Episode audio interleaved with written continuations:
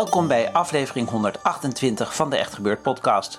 Met dit keer een verhaal van Elma Draaier. Thema van de middag was De dood in de ogen.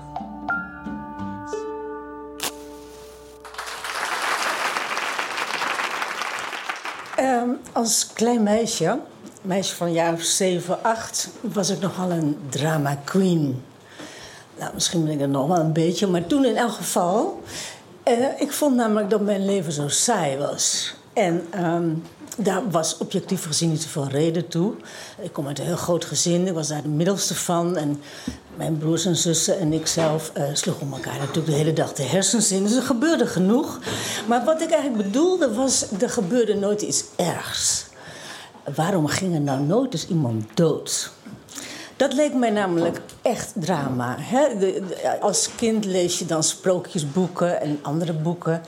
En uh, daar gaat altijd iemand in dood. Je weeskinderen. Die hadden tenminste echt iets meegemaakt. En ik maakte nooit iets mee. Uh, ik had uh, een kerngezonde vader en moeder. En mijn zes broers en zussen waren gezond. Ik was zelf gezond. Ik had weliswaar twee oude oma's. In mijn ogen toen al stokoud. Maar die gingen ook maar niet dood. Ik, ik was heel erg dol op ze. Maar het, leek mij nou... Ja, het leek mij zo leuk. Leuk is het woord niet. Maar ik wilde dat zoiets wel eens een keer meemaken. Nou, als ik nu echt uh, zoveel behoefte had aan drama dat ik mezelf uh, in, in, slaap wilde huilen, dan dacht ik aan mijn opa's. Ik had namelijk uh, twee opa's die allebei al dood waren. Want die waren namelijk ver voor mijn geboorte op zeer jonge leeftijd al gestorven. En als ik dan echt lekker wilde grienen, dan dacht ik... maar ik heb nooit mijn opa's gekend, want ik heb twee dode opa's. Um, ja, dat is natuurlijk allemaal... Um, ontzettend ongepast. En al gauw ontdek je ook hoe ontzettend aanstellerig zoiets is.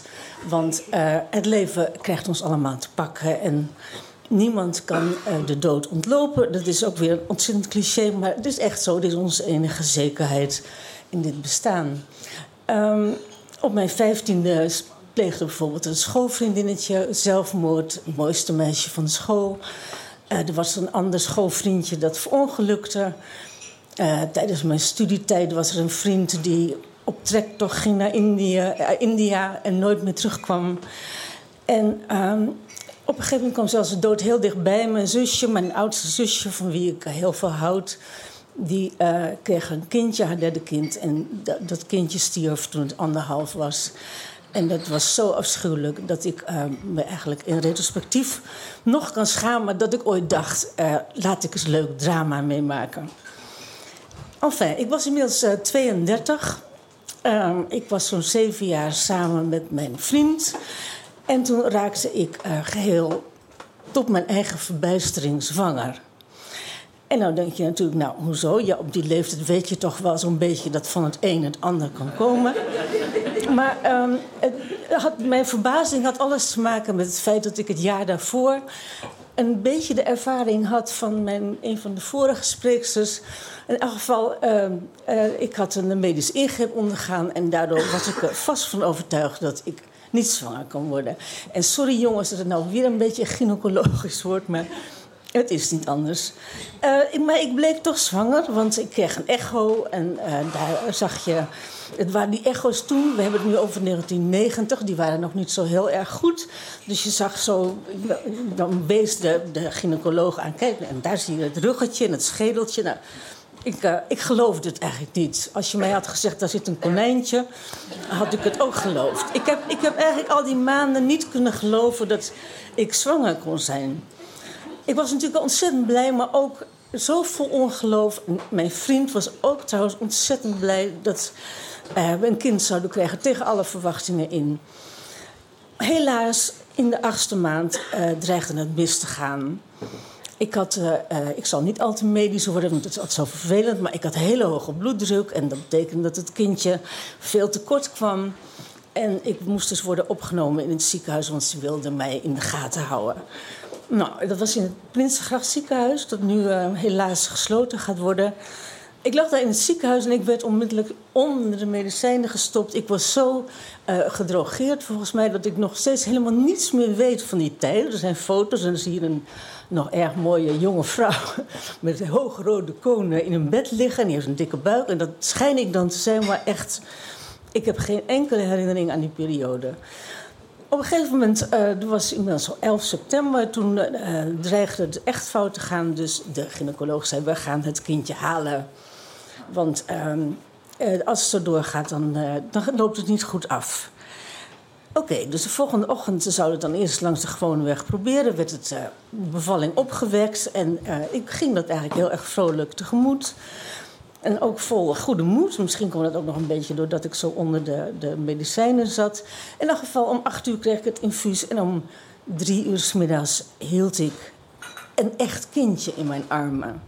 Heel klein, omdat ze zo tekort was gekomen. Maar het was een echt heel erg schattig kindje. Een meisje ook nog, wat ik helemaal nooit had gedacht. Ik was al die maanden overtuigd dat ik een zoon zou krijgen. Als het al een jongetje zou zijn. Een kind zou zijn, bedoel ik. Maar het was echt een meisje, helemaal verkreukeld onder de vlekken. Tien vingertjes, tien teentjes. Alles zat erop en eraan. En ik was uh, zielsgelukkig. En nu verval ik in de afschuwelijkste clichés die jullie je maar kunnen uh, indenken. Maar elke moeder en elke vader die zal dat uh, van harte beamen. Dat zo'n gebeurtenis enorm diep ingrijpt. En inderdaad het allermooiste is wat je kan overkomen. En het alleronbegrijpelijkste. Nou, mijn vriend, die er nu vader was, die uh, moest naar huis. Het was in de tijd voor de mobiele telefoon. En hij moest natuurlijk iedereen gaan bellen om uh, te verwittigen van het blijde nieuws. Ik bleef achter in het ziekenhuis en ik voelde zo langzaam aan dat er iets niet goed ging. Dat ik uh, wegzakte.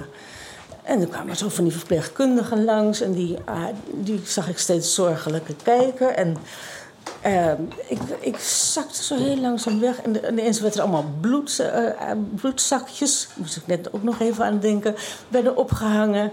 En ik kreeg allemaal bloed toegediend. Hielp allemaal niet, want het ging er, uh, zonder in details te treden, meteen weer uit. Maar ik zakte dus langzaam weg. En het bijzondere was, um, dat was eigenlijk helemaal niet erg. ik ben orthodox-protestants opgevoed. En dan is de dood iets om daar vreselijk tegenop te zien, want je komt voor de rechterstoel te staan en allemaal heel afschuwelijk. Dus uh, uh, je hoort dan wel eens als mensen dan op een sterfbed liggen, dan grijpen ze ineens weer terug naar de beelden uit hun jeugd.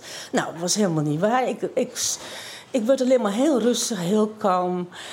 En ik dacht, het is goed zo. Het is goed. Eigenlijk heb ik een ik heb een ontzettend lief kindje gebaard vanmiddag.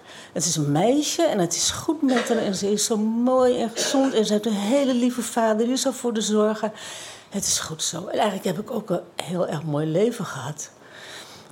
Intussen kwamen steeds weer verpleegkundigen aan mijn bed met die zorgelijk keken. Die hingen weer zakjes bloed op.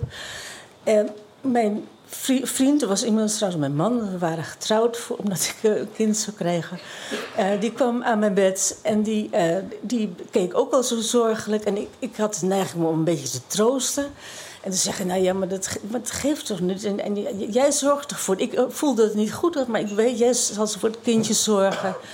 En het komt allemaal goed, het komt allemaal goed. Maak je maar niet druk. Nou, ik, ik, ben die avond een paar keer zo weer weggezakt. Is wel heel langzaam bij bewustzijn gekomen. En ik weet nog dat ik op een gegeven moment een beetje giechelig werd zelfs. Omdat ik dacht, nou zeg, het zou me toch niet overkomen... dat ik tot de 0,003% van de Nederlandse vrouwen hoor... die in het kraambed sterven. Maar ja, kennelijk is dat zo. Dus nou, oké. Maar er kwam dus een grote berusting in mij op... Um, wat ik trouwens niet heb gezien, dat, hebben we hier ook al vanmiddag gehoord, de witte tunnels. Je hoort wel eens van die mensen dit soort ervaringen beschrijven met witte tunnels en met, met uh, New Age muziek. Ja, gelukkig hoor ik die ook niet. En met van die bloemenvelden en, en uh, juichende stemmen. Dat heb ik allemaal niet gehoord. Er was alleen die enorme rust. En toen midden in de nacht, het was al, al diep in de nacht, kwam ineens mijn, zag ik het gezicht van mijn gynaecoloog aan het bed. En het gekke was, mijn geur was heel erg scherp.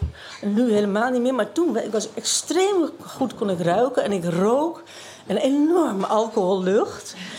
En sigaretten, nicotinelucht. Maar dat was mijn uh, gynaecoloog, stond ineens bij het bed. En, um, maar ja, ik, ik, was zo ver heen dat ik me daar niet eens, uh, niet eens heb gedacht... nou, misschien is dat een beetje link, dat die man niet helemaal... Nou, nee hoor, helemaal niet. En, en om kort te gaan, uh, binnen de kortste keren ben ik naar de operatiekamer gereden. Ik ben daar geopereerd en zoals jullie zien is het dus heel erg goed afgelopen. Want anders, uh, juist. Um, Zo'n ervaring grijpt er diep in. En, uh, en het, maar het is helaas niet zo dat ik, wat dat hoor je ook van die mensen die zo'n ervaring, zo'n bijna doodervaring kunnen navertellen, dat ze er zoveel van geleerd hebben, zo wijs zijn geworden en zich alleen nog maar druk maken om heel belangrijke dingen. Nou, helaas niet. Ik maak me nog om alles druk en helemaal niet alleen maar om hele belangrijke dingen. Maar um, het is wel zo dat ik, dat ik heb uh, geleerd dat. Kijk, de dood is echt heel erg voor de mensen die van je houden. En voor de achterblijvers, maar niet voor jezelf. Ik bedoel, je, je weet gewoon. Uh, als het moment daar is, dan komt er een grote rust over je. En dan, dan is het goed zo.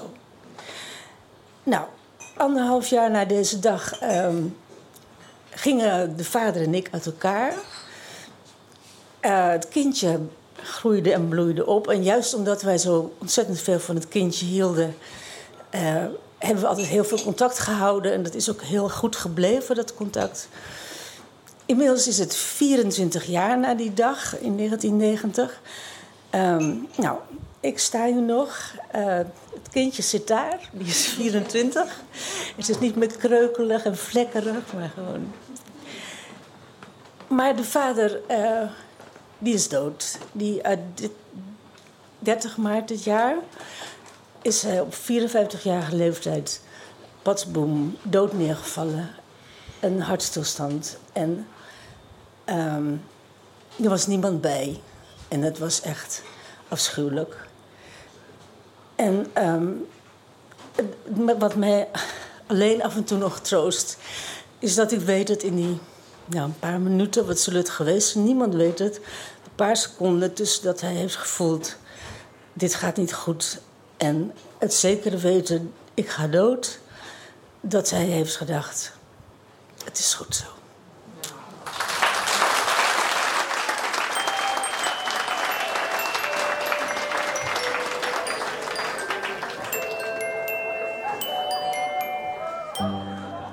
Dat was Elma Draaier. Bij onze luisteraars inmiddels bekend als een van onze vaste vertellers. Ze is trouwens ook een vaste medewerker van de Volkskrant, waar ze een column heeft, en van Vrij Nederland, waar ze regelmatig een groot verhaal voor schrijft. Wil je zelf een keer een verhaal vertellen of ken je iemand die dat eens een keer zou moeten doen? Laat het ons dan weten. Ga naar echtgebeurd.net en stuur ons nou eindelijk dat mailtje wat je de hele tijd al van plan was te sturen. Wil je Echt Gebeurd steunen? Koop dan snel kaartjes voor het grote Echt Gebeurd gala op 29 januari in de Kleine Comedie in Amsterdam. Er zijn ook extra dure kaartjes voor mensen die ons extra willen steunen. Op onze site en op de site van de Kleine Comedie vind je veel meer informatie. Het wordt een feestelijke avond vol goede verhalen. Allemaal met als doel geld verzamelen om in de toekomst echt gebeurd in stand te kunnen houden. Op 20 november is er weer een reguliere echt gebeurd, in Toemler dus. Het thema zal dan zijn verhuizen. Heb je een goed verhaal over de vrachtwagen die verdwaalde? Of ken je iemand die mooi kan vertellen over die nieuwe buren die een beetje tegenvielen? Dan willen we dat heel graag weten. Want we zijn altijd op zoek naar goede vertellers. Ga naar onze site of stuur ons een mailtje.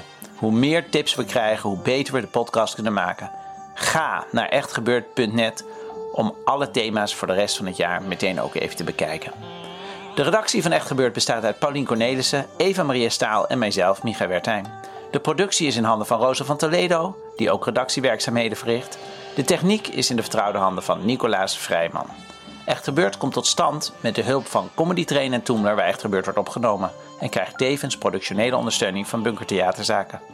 Dit was de Echt Gebeurd podcast en vergeet niet, adoptie is ook een mogelijkheid.